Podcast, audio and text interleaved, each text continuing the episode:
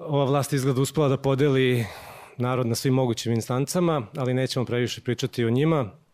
Stiče se utisak, nažalost, da je i crkva nije imuna na podele i na različite probleme koji prate savremeno društvo, pa je ovo večera savršena tema da i o tome prozborimo po neku reč.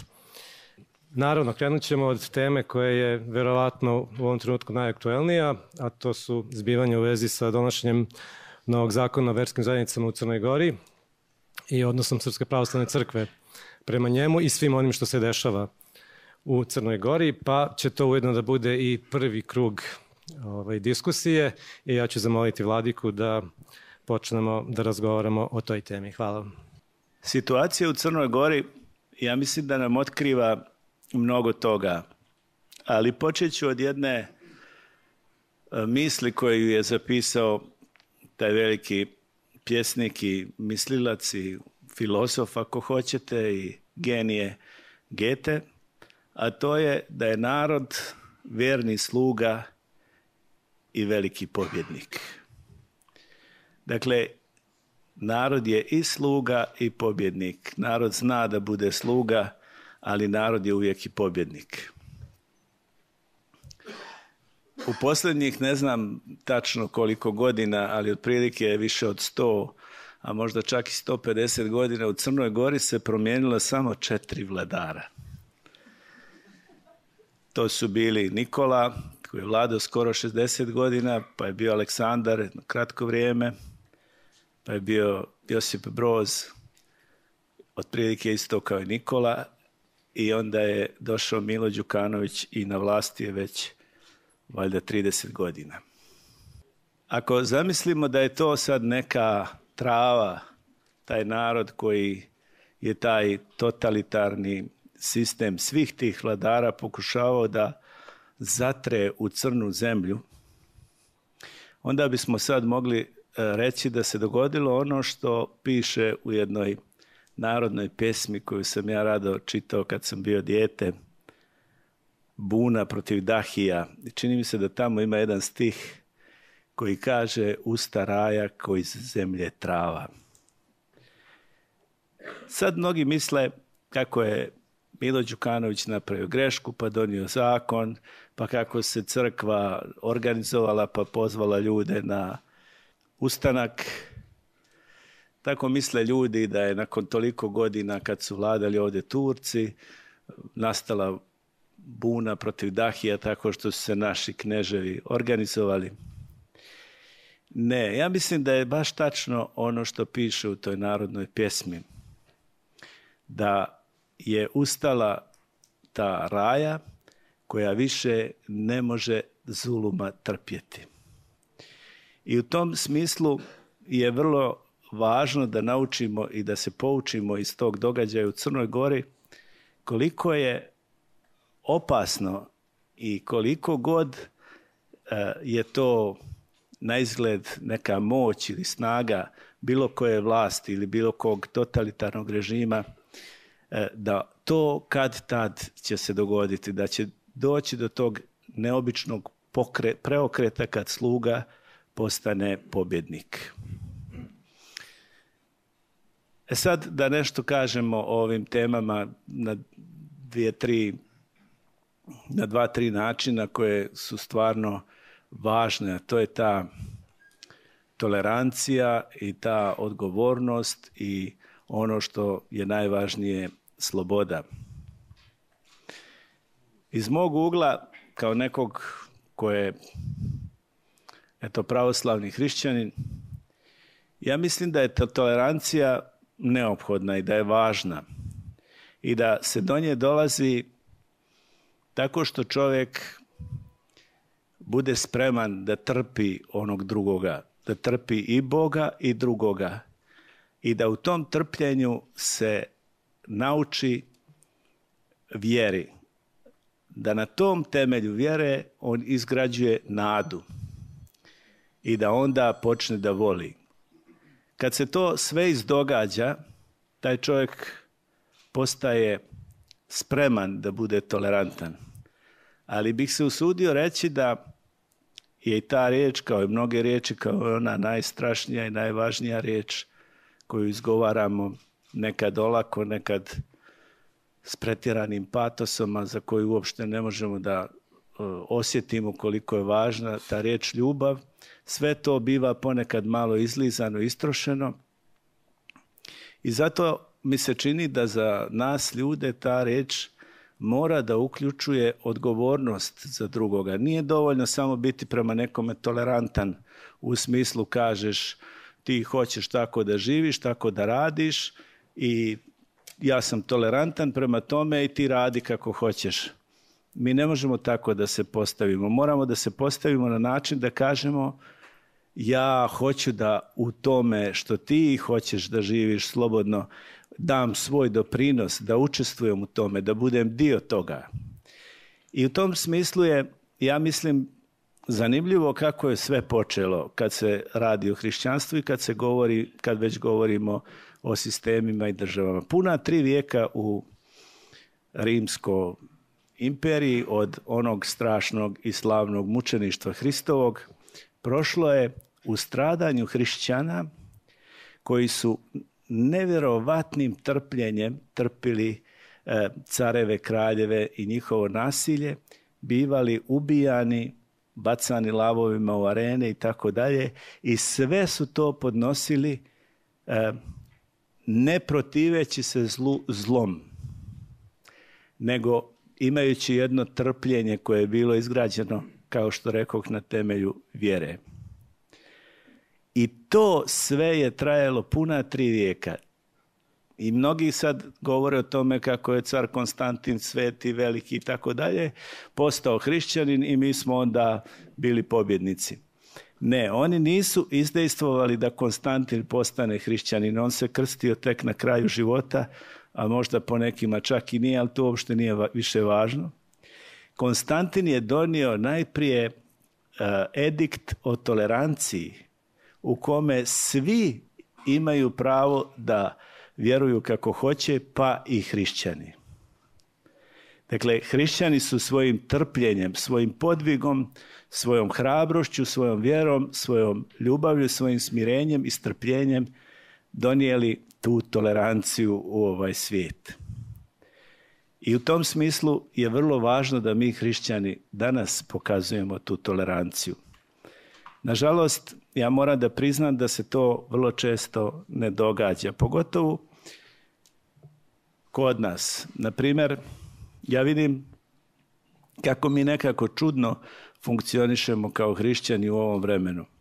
Navešću samo dva, tri primjera koji su meni uh, upali u, u vidokrug ili u oči ili uh, kako se mi ponašamo, na primjer, kad je riječ o nekim, evo, uzmimo tu ekološku temu, na primjer, ljudi uh, potapaju neku crkvu u okolini Valjeva i onda pravoslavni hrišćani kreću da demonstriraju, nose one, kako se zove, litije, isto tako pjevaju pjesme i oni se bune protiv toga.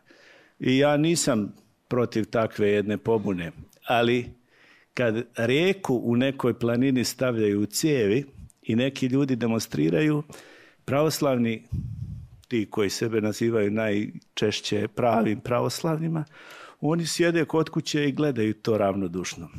A u stvari, ako bi bili pravi hrišćani, trebali bi tek tada da reaguju, jer moraju da misle i šta će, kako će piti vodu i meda i zeka i, i ona košuta i jelen kad dođu na taj potok tamo koji sad neko stavlja u betonsku cijev. S druge strane, na primjer, ima ta priča koju smo vidjeli bezbroj puta, ne znam, gej parada, pa onda krenemo mi pravoslavni da pljujemo te ljude koji su tu u toj paradi i onda ako ih ne pljujemo dobro, onda nismo ni baš dobro pravoslavni.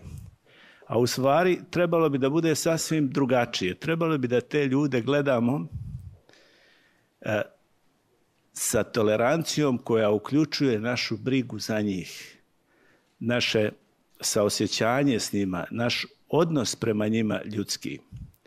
I znam da je to sad kad ja to govorim e, za mnoge možda malo i čudno i tako dalje, ali hoću da kažem da je vrlo važno da probamo da budemo u pravom smislu te riječi hrišćani.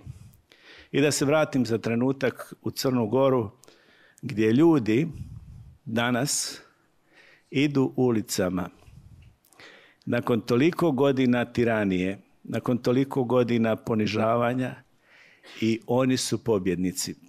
Zašto su oni pobjednici? To sam rekao kad sam bio u Podgorici. Zato što oni nisu nikakva masa. Zato što je svaki od njih tamo dobrovoljno. Zato što je svaki od njih za sebe i posebno ličnost. A istovremeno postoji jedna velika zajednica ljudi. Jedna velika rijeka ljudi koja se stalno kreće ka jednom tihom i mirnom pristaništu i pokazuju neku nevjerovatnu mirnoću u tom svom protestu. Nemaju nikakvu mržnju, nemaju nikakvo nasilje, nisu podijeljeni na stranačkim principima i još ono što je najvažnije, nema ni crnogoraca ni Srba, nema ni pobožnih i nepobožnih. Nema ni onih koji su djeca partizana, ni oni koji su djeca četnika. Svi postaju jedno. Zašto se to događa? Zato što je to sad se dogodilo na bazi slobode. I dogodilo se na bazi tog nevjerovatnog trpljenja i strpljenja i događa se na temelju vjere, a na temelju vjere se uvijek gradi, grade stubovi koji mogu da postanu nada. I ono što na kraju treba da dođe, što je najvažnije od svega, dakle da se sve, vrem, sve to vrijeme isključuje mržnja prema bilo kome i prema onima koji nas gone. I to je bio jedan nevjerovatan e, detalj u stradanju hrišćana prva tri vijeka. Ima jedan moment kad, e, kad jedan veliki svetitelj piše hrišćanima i kaže im Nemojte namjerno sad, pošto je to postalo uzvišeno i slavno, biti mučenik, nemojte namjerno da izazivate naše neprijatelje da vas ubiju, jer ih tako navodite na grijeh i samim tim vi sami činite grijeh. Dakle, nipošto ne navesti na nasilje onoga nasilnika koji je već to po svojoj prirodi. I u tom smislu ja mislim da je ta pojava koja se događa trenutno u Crnoj Gori nešto što je sasvim osvježavajuće ne za naš prostor samo, nego za cijelu, cijelu Europu. Aktualni zakon o verskim slobodama u Crnoj Gori je zapravo u nekoliko situacija puštan u javnost, odnosno izlazio pred Venecijansku komisiju Saveta Evrope još od 2015. godine. Veliki deo javnosti je posebno obratio pažnju na pitanje svojine i imovine crkve. Ukoliko ne grešim, jedna od osnovnih stvari koja se zamera u tom zakonu jeste činjenica da bi svaka verska zajednica trebala da dokaže vlasništvo nad objektima i svime što koristi pre decembra 1918. godine, odnosno pre nastanka kraljevine Srba, Hrvata i Slovenaca. To naravno možda predstavlja veliki pravni problem i problem za dokazivanje svojstva nad imovinom, ali čini se da iza cele ove priče stoji nešto mnogo zbiljnije i mnogo veće. Pa bih sad zamolio kolegu Milićevića, ovako da krenem redom, da nam objasni ukoliko može, da li je možda, kako se sada već čini, taj pokušaj pravljena nacionalnog projekta i završetka pravljena nacionalnog projekta zajedno sa pravljenjem i Crnogorske crkve, odnosno zakonom koji je diskriminatoran prema Srpskoj crkvi, da li možda nije krenuo kako treba po one koji su ga donosili i kako šta crkva misli o tome, odnosno šta vi mislite o tome? Pa jasno je da nije krenulo uh, u skladu sa očekivanjima koje su imali. Šta su pravi razlozi donošenja u ovom trenutku?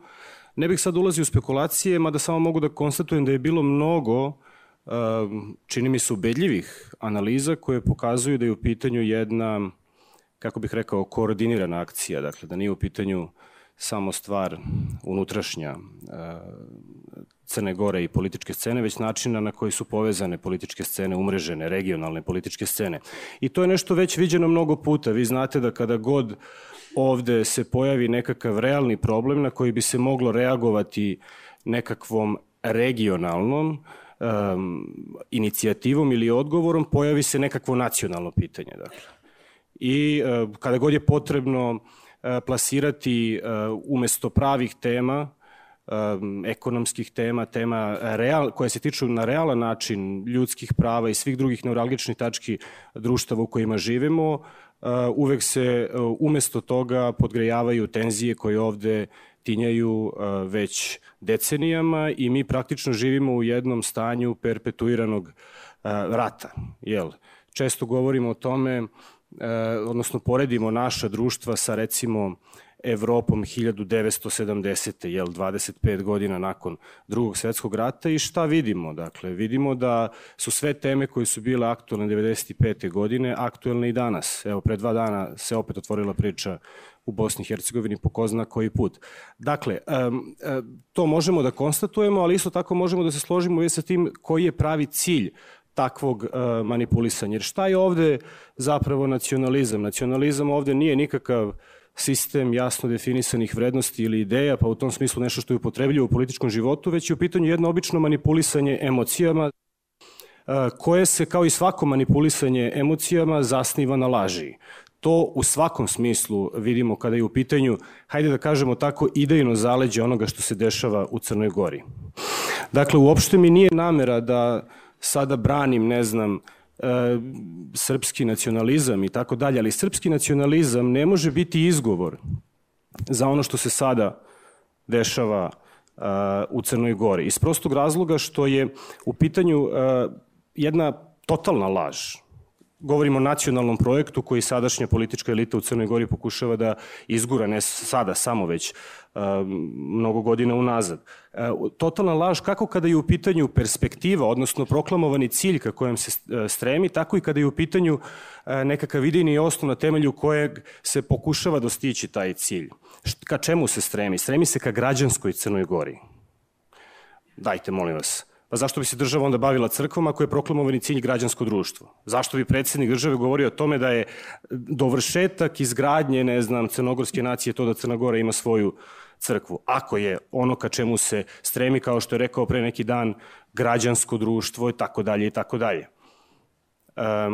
Kada su u pitanju idejne osnove na kojima se pokušava ostvariti takav jedan cilj, jasno je da u pitanju nisu ni, ne znam, 13. julska Crna Gora koja je imala političku realnost i koja dalje ima nekakvu uh, tradiciju i kontinuitet postojanja. Nije u pitanju čak ni zelenaška Crna Gora. Dakle, u pitanju su najobskurniji likovi iz istorije, zajedničke istorije. Dakle, u pitanju su, u pitanju je pokušaj oživljavanja projekata koji su vezani bili, recimo to nedvosmisleno jasno, za NDH, za nacističku ideologiju koju je ta država pokušavala da sprovede i koja je pokušavala na taj način da integriše kao svoje satelite uh, i sve moguće potencijalno ili realno tada jeli, u njihovoj percepciji antisrpske elemente. Jel? Dakle, idejni otac Crnogorske pravoslavne crkve Štedimlija, jel? koji je tada bio i glavni autor projekta Hrvatske pravoslavne crkve u okviru NDH. I u pitanju je potpuno isti uh, politički manevar. I razlog zbog kojeg se dešava ovo što se dešava u Crnoj Gori je mislim to što je sada to postalo jasno, što se pokazalo da uh, a, laž, bez obzira na to što su alternative, ajde ne bih sad ocenjivao, ali laž ipak ima rok trajanja. I kada se to jasno a, kaže, čini mi se da je tek zapravo onda moguće razmišljati o alternativama. A, to bi bio zaista pozitivan utisak u vezi sa, sa, sa ovim dešavanjima koji već danima ne mogu da sklonim sa strane. Jeli. Mislim da je to ono što je suštinsko kada, je u pitanju, kada su u pitanju ova dešavanja. E, na stranu kako to lično doživljam s obzirom na svoj neki background i tako dalje.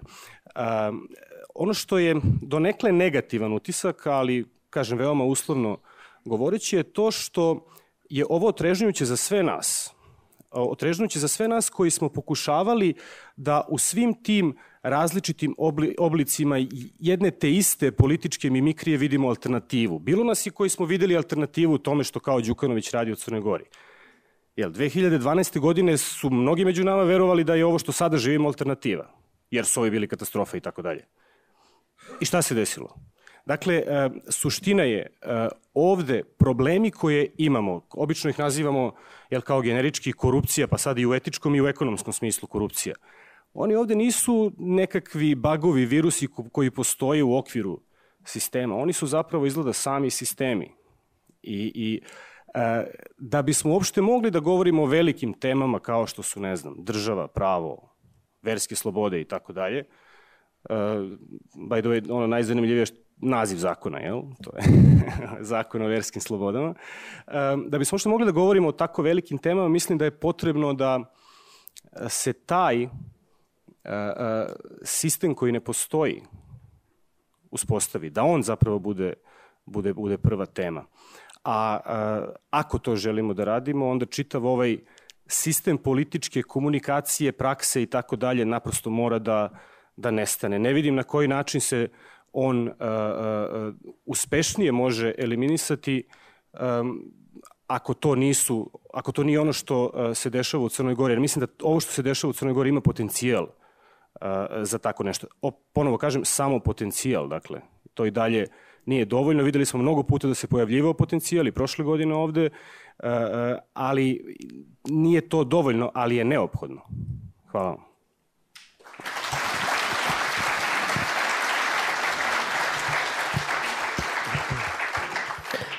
Hvala.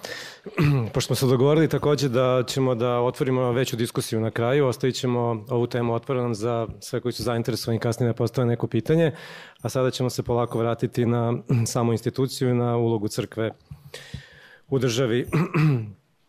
za početak, pretpostavljam da najveći broj ljudi crkvu doživljava kao konzervativnu instituciju za koju su uglavnom opredeljeni i koji su uglavnom bliski uh, desno orijentisani politički ideološki ljudi, ovaj, pa smo pričali o tome kako bi možda bilo interesantno da porazgovaramo malo i o toj temi. E, profesor Kubat bi mogao da nam pomogne u vezi sa tim da li e, u samoj crkvi postoje ideologije levice i desnice i u sledbenicima crkve koji se oko nje okupljaju. Dobro veče svima, ovaj, hvala kolegi Sinaniju. E, jedna vrlo zanimljiva tema koja se može vezivati za ovo što je već počeo Vladika Grigore da priča, o tom spontanom na izgled okupljanju ljudi u Crnoj Gori. Ono je sada zaodjenuto u jednu specifičnu nama, crkvenim ljudima, dragu varijantu litija, ali ja u njima vidim mnogo širi e, koncept od samih litija u tom nekom crkveno, uže crkvenom smislu ovaj shvaćeno. Mislim da se u Crnoj Gori sa jedne strane dešava nešto što je jako zanimljivo i što može biti neki pokazatelj u kom pravcu će se stvari početi razvijeti i kod nas. I samim tim oni imaju uh, mnogo veze sa crkvom. Naime, u Crnoj Gori su se po mom dubokom osjećaju pokupili pošteni ljudi i slobodni ljudi i ljudi kojima je sve to dosadilo. Koliko je sad njih crkveno u užem smislu riječi ili širem, u to ne možemo da ulazimo. I to je sad jedna vrlo zanimljiva perspektiva koja se nameće nama kao društvu.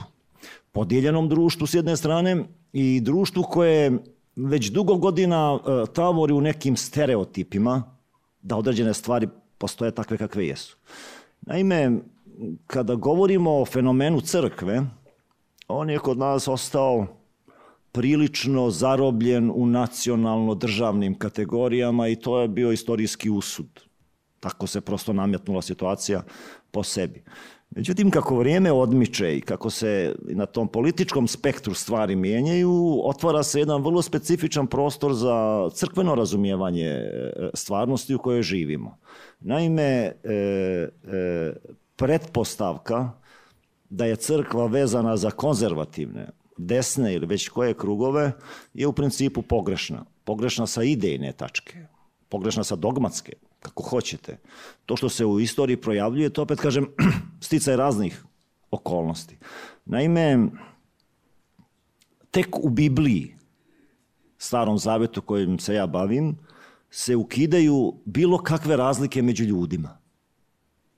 U visoko razvijenom Egiptu ili Mesopotamiji postojali su jaki socijalni slojevi. Postojali su vladari, pa onda niži slojevi i tako dalje. Piramida je zapravo jedan sakralni element koji je postojao na Bliskom istoku i on nije postojao samo u Egiptu, postojao u Mesopotamiji, takozvani zigurati. I to je bilo društvo shvaćeno na strogo hijerarhijskom principu. Biblija unosi nešto sa te strane jako zanimljivo. Prvi put u istoriji civilizacije zapravo govori se da je e, čovjek stvoren svaki od nas po liku i podobiju Božijem. Da više nije samo Ramzes, Bog, odnosno sin Boži, a samim tim svi. Potonji vladari treba da služe njemu jer on potiče od Boga. Ovdje se dešava nešto drugo, međutim sad mi jedna zanimljiva misa opade na pamet. Šta vi mislite da je Vučić recimo živio u doba faraona? Neozbiljno, kada se vjerovalo da je vladar ovaj, da je vladar ovaj, e, sin Boga. Sem ako Šešelj nije, bo... mislim, dobro, izvinite.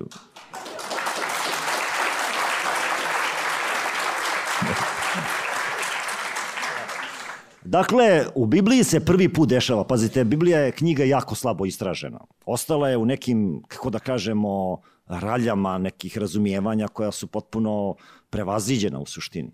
Znate sa kim je sklopio Bog savez u Egiptu? Sa robovima. Da, sa robovima je sklopio savez. Prvi put u istoriji Bog sklapa savez sa robovima. I oni sada u Egiptu imaju uslova da žive. Žive kao i svi robovi. Međutim, tu se dešava promjena. Dolazi Bog i poziva ih na šta? Na slobodu.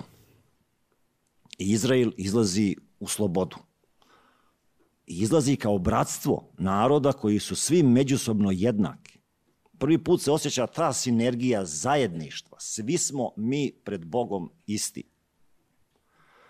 S druge strane, ako napustimo tu socijalnu ravan, pa se prebacimo na nacionalnu, koja je inače bliska nekim savremenim shvatanjima crkve, i tu se vide zapravo neki jako čudni elementi. Recimo, pretpostavljam da je dobar broj vas čuo za Uriju Heteina. To je bio jedan zanimljiv lik Davidov vojskovođa koji je bio Hetit. Čak nije bio ni Semit. To je najveći vitez staroga zavjeta. Stranac. Uopšte nije jevrin. A znate šta mu je uradio najveći sin staroga zaveta od Izraeljaca posle Mojsija? Prevario ga, uzeo mu ženu i na kraju ga ubio. Da, to se tako desilo. Sad zamislite e, koliko je snaga takvog teksta. Kada ide iz perspektive ovaj koji nije naš, on je zapravo bolji od nas. To je tolerancija i drugost. Znači, nismo mi podijeljeni ni po krvi, ni po čemu. Mi smo zapravo svi tu ljudi kao djeca Božija. I moramo iz te perspektive da posmatramo jedne druge. Jako mi je bitno, pogotovo na ovom mjestu i pred ovim auditorijumom, da upravo ukažem na tu dimenziju. Crkva je iznad takvih podjela i hrišćanska vjera i Biblija su iznad takvih podjela. U Bibliji postoje, odnosno u hrišćanstvu, podjele na koje mi, koje mi treba da pravimo. A to je na one koji teže pravdi, teže Bogu, istinitosti i oni koji rade protiv toga. Ja mislim da je to princip koji se desio na neki čudan način u Crnoj Gori i da je to nešto što je nama neophodno. Pošteni ljudi koji teže nečemu treba da se zbližavaju. Ideje, ljevice i desnice, ljudi danas je to, ima tu istoričara pa mi je neprijatno pričati, jedna stvar o kojoj više niko normalno ne razmišlja. Ko o tome može da razmišlja? S druge strane, uloga crkve u ovakvom konceptu, konceptu društva nikako više ne može da bude usmjerena u tom pravcu. Njen jedini pravi pravac je socijalna politika i odnos prema ljudima kao takvim. Hvala vam za početak toliko. E, zar to nije levica?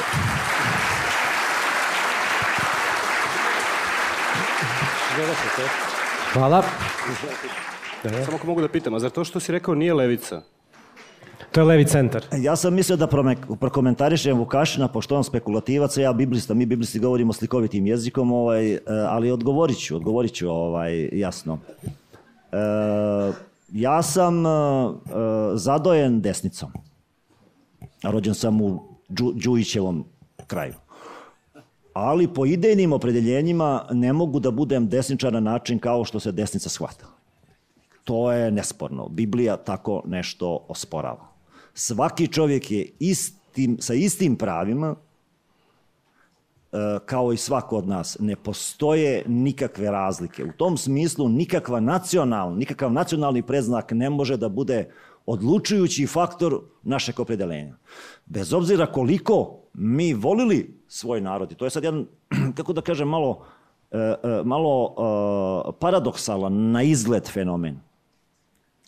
Pozvani smo na ljubav prema bližnjem i toleranciju prema bližnjem. Pa dobro, ko su naši ovdje bližnji u većini? Pa mi Srbi. Pa ako ne volimo nas, ako ne volimo našu tradiciju, pa volit ćemo Irce. Ma ne. Su zablude. Tako da ne isključuje e, hrišćanski koncept nacionalno, ali u tom dubokom antropološkom smislu riječi čovjeka koji je preko puta tebe konkretnog. Vladika je upravo pomenuo koncept simfonije, odnosno tog zagralja crkve i države, a to je koncept koji se ovih dana pojavljivao i po medijima, pa da li bismo mogli još malo o njemu da porazgovaramo, pošto znam da on spada u domen vaše stručnosti da uputimo publiku. Parafrazirat ću istinskog idejnog oca medijske realnosti u kojoj živimo, E, kada god čujem simfoniju, uhvatim se za pištolj. Dakle, to je, i to u svakom smislu, ne samo kada je u pitanju odnos uh, države i crkve, već i kada je u pitanju odnos uh, države i drugih um, delova sektora društva koji bi uh, trebalo da imaju funkciju koju država, odnosno aktuelna vlast, ne određuje.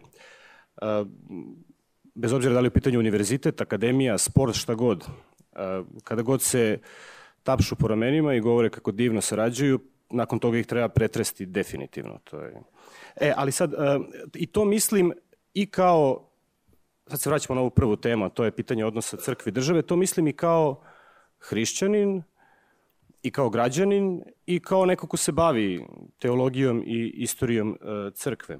Kao hrišćanin mislim zbog toga što je u pitanju jedna zaista elementarna izdaja na elementarnom nivou svega onoga uh, o čemu govori evanđelje. Evanđelje ne može u tom smislu uh, biti jasnije, jel? Kada je u pitanju kao građanin, zbog toga što, kao što rekoh, simfonija uvek znači nekakvu konfuziju koja za cilj ima manipulaciju, jel? I to je nedvosmisleno jasno iz prakse koja sledi.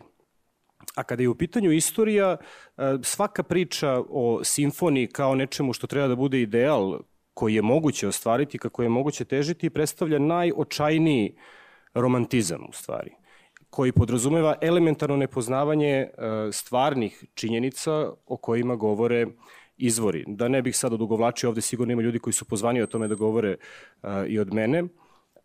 Naprosto u pitanju je bio jedan idejni koncept ili pre slika koja je funkcionisala u okviru jednog društva koje je zapravo bilo totalitarno. Naravno da je nezahvalno davati ocene o istorijskim formama političkog organizovanja sa tačke gledišta savremenih nekakvih ideja i vrednosti, ali to je naprosto tako.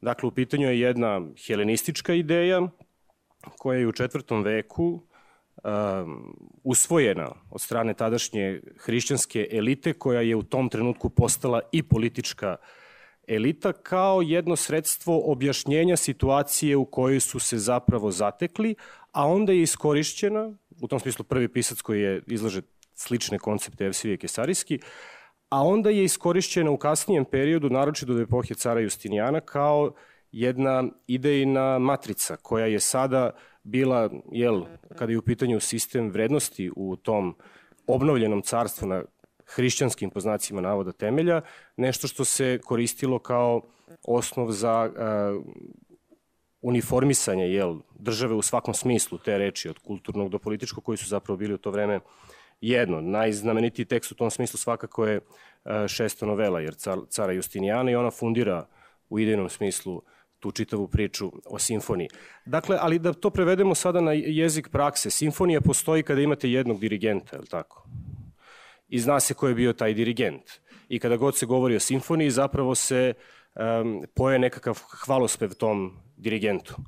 Taj dirigent, kada je u pitanju naše nasledđe, ovo istočno hrišćansko, nikada nije bila niti crkva, niti pojedini uh, ljudi iz crkvene jerarhije, to je uvek bio car i o tome od početka do kraja uh, istorije Istočnog rimskog carstva postoji mnogo svedočanstava koji idu uh, u prilog tome. Dakle, pozivati se na takve neke primere, isticati tako nešto kao društveni ideal, naprosto je pogrešno iz mnogo razloga, od teoloških do onih koji spadaju u domen e, dnevno političke manipulacije i tu nemam nikakve e, dileme. Šta je još problem u vezi sa pričom o simfoniji? Bilo je reči o ideologiji, ne znam, levice, desnice i tako dalje. Moram da priznam što više razmišljam, sve sam osetljiviji na te pokušaje da se u ime nekakvog jedinstva, jedinstva suspenduje ideologija. Zbog toga što su i to takođe ideološki konstrukti. I to ideološki konstrukti sa veoma jasnim predznakom. Pozivanje na jedinstvo bez sistema nekakvog vrednosti na kojima to jedinstvo treba da počiva, na kojima ga je moguće uspostaviti je uvek ponovo manipulacija. I to je ono što imamo od 20. godina prošloga veka kao karakteristiku desnih totalitarnih režima u različitim varijantama, sve do danas u stvari. Dakle, jedinstvo bez vrednosti je absurd. Međutim, sa druge strane, kritika ne ideologije, dakle ne u marksističkom smislu te reči, u nekom opštem smislu te reči, kritika ideologije je nešto što u istinu nasupro tome jeste preko potrebno. Jer je ovde uh, upravo uh, ideologija kao nekakav sistem vrednosti suspendovana i neprestano kompromitovana. Znate, vi ne znam, slušate ne znam, nekog lika kakav recimo Mići Jovanović koji govori o tome da je uvek bio levičar i da dolazi iz levičarske kuće ili ne znam, ili pre neki dan, jel, predsednik najveće levičarske partije u prisustvu čoveka koji prima, ne znam, 30.000 evra mesečno, koji je takođe funkcioner te partije, govori o tome da su se one uvijek zalagali za ideje socijalne pravde. Dakle, te brutalne, e, da ne govorim sad o ovima sa, sa, iz desnog spektra, dakle, postoje mnogo sličnih primjera patriota koji su bili veoma uh, spremni i voljni da svoj patriotizam unovče na ovaj ili onaj način. Rodoljube, kada pričamo o odnosu crkve i države, vaša pozicija je prilično interesantna i može bude korisna da malo bolje sagledamo taj odnos na, na opštem planu. Naime, vi ste pravoslavni teolog, ali niste svešteno lice, što će reći pripadate crkvi, a i niste u crkvi. Ove, ovaj, odnosno laik ste. Kako su vaše razmišljanja na ovu temu u najopštim smislu, a u sledećem krugu ćemo preći na konkretne primere u Srbiji. Znači, odnos crkve i države.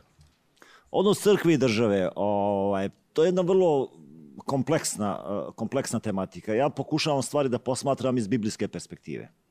Biblija je u principu subverzivna knjiga. I to je knjiga koja na razne načine pokušava da sputava moć ovozemaljsku ljudi. U tom kontekstu su najpoznatiji istupi proroka. A te proroci su svi stradavali, to je savršeno jasno. I proroci su bili ti ljudi koji su zapravo upirali prstom u toga ko ne radi stvari kako treba. Sad zamislite recimo u Bibliji samo trojica careva su pohvaljeni kao neko ko je bio okej, okay, mada je i za njih rečeno svašta. Svi ostali carevi su bili oni koji su izdali savez sa Bogom. Kako su izdali savez sa Bogom? Pa zato što su uzurpili društvo i nisu se ponašali na način na koji treba da se ponašaju. U prevodu e, odnos crkve i države mora da bude uvek opozitan po meni i crkva mora da bude e, neka vrsta moralne savjesti i regulative u jednom društvu postavljena prema desnoj i lijevoj orijentaciji, to je sve jedno ili, ili centru, to nema nikakve, e, e, nikakve ovaj, e, dileme. Dakle, e, e, istorijske okolnosti srednjega vijeka i ostalo to ne bi ulazio. Međutim, savremeno društvo, koje već traje, e, ono može samo po meni da funkcioniše u principu e, da je crkva zapravo jedan društveni korektiv i to prije svega na moralnom planu, na tom ljudskom planu. E, I hrišćani tu imaju jednu, kako da kažem, bazičnu prednost koja može da bude od opšte koristi, za sve jako dobra. A to je da religiozan čovjek vjeruje uvijek u jedan sistem vrijednosti. Prosto u vrijednosti kao takve. Jer život ima vrijednost, ima smisao, ima svoje ispunjenje. Unošenjem tog senzibiliteta, vrijednosti, zapravo crkva direktno i indirektno podržava to društvo i podiže ga na jedan viši nivo. Jer opet kažem, mi se u ovome svijetu po biblijskoj podijeli, hrišćanskoj, dijelimo na one koji idu sinovima, odnosno sinovima svjetla koji idu ka smislu i svjetlu, svi smo grešni naravno, ništa to nije sporno, govorim samo o bazičnom usmjerenju, i onima koji rade protiv toga, zaodjenuti u razne ideologije ili već kako vrlo često znamo da su te ideologije finansijskog ovaj, finansijski podmazane, tako da prolaze. dakle, e, osvrnut ću se na ovu opasku ovaj, Danielovu, iz crkve se nisi to je još jedna, on ne, ne, ne dijeli to, pošto se bavi čovjek teologijom, crkva smo mi svi. Znate, svi ovdje koji su crkva. To je crkva. Definicija crkve je svi. To što je Vukašin sveštenik, što je vladika Grigorije episkop, to je potpuno u redu. Ali niko od njih dvojice više nije crkva od bilo koga od nas. Ove, sada ćemo se vratiti na temu koja je meni verovatno i mnogima ovde koji su zaposleni na fakultetu bliska, to je Univerzitet u Beogradu i Pravoslavni Bogoslovski fakultet. E, znamo da je od 52. godine Bogoslovski fakultet praktično isključen, odnosno izveden iz kruga univerzitetske zajednice da bi bio vraćen 2004. godine. Od tada Pravoslavno Bogoslovski fakultet ima praktično dvojnu vlast, univerzitet i sinod, odnosno sabor. I vidimo da poslednjih meseci ne funkcioniše sve kako treba u tom odnosu. Neki od mojih kolega ovde su i to doživjeli lično na svojoj koži. A pošto su upućeni sve to i rade na istom fakultetu, sada bih prvo zamolio profesora Kubata da nam malo razjasni ovaj odnos, a kasnije ćemo da pređemo neke konkretne detalje i primere. Situacija jeste kompleksna i ona je po sebi negdje. U nekoj dubini postoji nešto što još nismo definisali. Ovaj, kako da kažem, već prepliče se sa našim društveno, društveno-crkvenom realnošću. Ovaj, o detaljima naravno je nepotrebno pričati, a na kraju krajeva ne bi ni pričao ovaj, o tako nečem. Međutim, gdje se pojavljuje ključni problem? Ključni problem se pojavljuje u tome što se teološko na neki neprirodan način počinje vezivati za esnavsko i za jednu užu grupu ljudi i što teološko gubi tu društvenu relevantnost. A, to je ono što je meni u svemu tome najviše zasmetalo, ovaj, jer nekako se svodimo na neki jako uzak krug ljudi koji obučava ljude da vrše određene službe. Znate, to ne može biti, to je jedan vrlo bitan aspekt djelovanja fakulteta i crkve, to ni na koji način nije sporno. Ali pošto je hrišćanstvo par excellence društvena religija. Mi smo sociologija, hrišćanska eklesiologija je zapravo sociologija. I pošto su hrišćani jako zainteresovani za svijet u kome žive, upravo ovo što je pričao Vladika e, Grigorije, mi ne možemo biti izdvojeni iz tog svijeta. I nema potrebe da za nas važi bilo kakav zakon koji ne važi za ostali svijet. Niti u restriktivnom smislu, niti u nekom pozitivnom smislu. Zašto bi mi bili posebni? Ja u tom smislu ne vidim nikakav, nikakav razlog. Drugo, što je za našu kulturu u ovom trenutku najbitnije i što bi možda moglo da stvari pomjeri u nekom boljem pravcu, to je što uh, uh, razumjeti našu kulturu je nemoguće bez teologije. Kogod bio na strani teologije ili bio protiv nje, to je savršeno jasno. Naši osnovi su hrišćanski, sve to što imamo je hrišćansko, imamo dosta. I nažalost toga, e, većina toga, odnosno najveća većina nije ni istražena.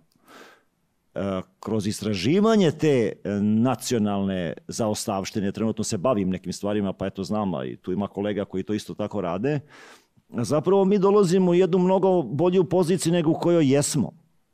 Jer smo definitivno mi narod sa kompleksom. Sve što dolazi sa zapada valja. Svaka istina sa zapada je dobra. Zašto? Zato što mi nemamo ništa svoje. E, ozbiljan problem. U tom kontekstu e, ja teologiju vidim kao jednu dinamičnu e, granu djelovanja duha ljudskog povezanu sa upravo najviše kolegama koji su večeras ovdje, istoričarima, filozofima, sociolozima, psiholozima i ostalim, u kome bismo mi pokušavali tražiti jedan modalitet društveni, duhovni, kroz koji bi se mi kao narod mogli kretati. Sad sam ja malo otišao u Vuletovu abstrakciju, Ovaj, e, dobro. Mislim, e, kako da vam kažem, e, e, e, ne možemo mi od Evrope ni od koga dobiti ništa ako smo sirotinja u duhu. I mi ne možemo biti ništa drugo nego to što jesmo. Mi to što jesmo treba da razvijemo i podignemo na viši nivo duhovni. Razumete? To je poenta. To je poenta i jezika. Mi moramo da imamo jezik, da se razvijamo jezički i, i, i uopšte. U tom smislu, mislim da bi se čak i neke društvene podjele nekako izbrisale. Znate, ne bismo imali tu uh, naopaku ljevicu i desnicu. Ljevica koja pljuje po Srbiji, neku ljevicu opet već kakvu, i ovu desnicu koja potpuno nepotrebno veliča stvari koje nisu za veličanje. To je samo znak, to je samo znak naše nesigurnosti i našeg duhovnog, uh, uh, naše duhovne zakržljavosti. A to ne možemo postići bez ozbiljnog intelektualnog uh, naprezanja, bez univerziteta, pazite, bez univerziteta, univerzitet je naš pogon, društveni uvijek bio, koji može da povede ka tome. I to ujedinjenog univerziteta. U tom kontekstu meni jako pada teško da se pretvorim u neku esnafsku školu koja samo nešto radi, iako je ta škola potrebna. Znači, ja ne govorim ništa protiv toga nego da na fakultetu se omoguće uslovi da se na što kreativniji način na univerzitetu počnu, razvije, počnu razvijeti te vrste priča.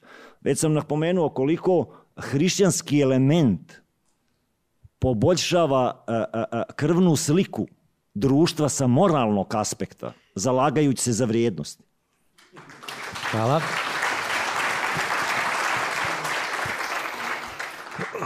Vukašine, vi ste imali pa može se reći neprijatno iskustvo sa sa dvojnom vlašću, ovaj, postali ste poznati kao evolucionista, ovaj, pa da li biste nam pojasnili o čemu se radi i kako to danas izgleda? Pa, e, složit ću se s ovim što je rekao kolega Kubat, naime da se problem savršeno uklapa u opštu društvenu uh, paradigmu i kada je u pitanju mesto univerziteta u okviru te realnosti, zapravo ne paradigme, već realnosti, uh, Ključno pitanje je naravno pitanje autonomije, koje je direktno povezano sa našom večerašnjom temom. Šta je autonomija? Autonomija je način, tako bar ja razumem, da se sloboda očuva kao socijalna realnost. Moju ličnu slobodu niko mi ne može oduzeti osim mene samog. Ali ta lična sloboda, sad tu nastupa i taj hrišćanski moment, jel, je poziv zapravo da se sloboda živi kao socijalna stvarnost. Jel? I autonomija je zapravo jedini način da se takva sloboda očuva. Pored svih drugih uh, aspekata koje ona ima kada je u pitanju autonomija naučnog izraživanja i tako dalje naučnog rada, mislim da je ovo neki bazični etički osnov koji definiše njenu uh, vrednost. Bez autonomije zapravo nema odgovornosti, jer bez slobode nema odgovornosti. E sada, u okviru naše ove socijalne društvene realnosti koja obuhvata i crkvu, na mestu odgovornosti stoji pokornost ili poslušnost, koja direktno ukida odgovornost jer ukida slobodu. U tom smislu prostor univerziteta kao autonomni prostor, odnosno prostor slobode, je nešto što po svaku cenu treba očuvati. I to je nešto što sad govorim kao hrišćanin, apsolutno proističe iz onoga u šta verujem. Dakle, da parafraziram, jel, jednog mislioca iz 19. veka, dakle, ne mora svaki socijalista, sad ja na svoju vodenicu navodim, da bude hrišćanin, ali svaki hrišćanin mora da bude socijalista. Jel? Tako isto, ne mora ovaj, svaki borac za slobodu da bude hrišćanin, ali svaki hrišćanin mora da bude borac za slobodu u svakom vidu, i e, na svakom mestu.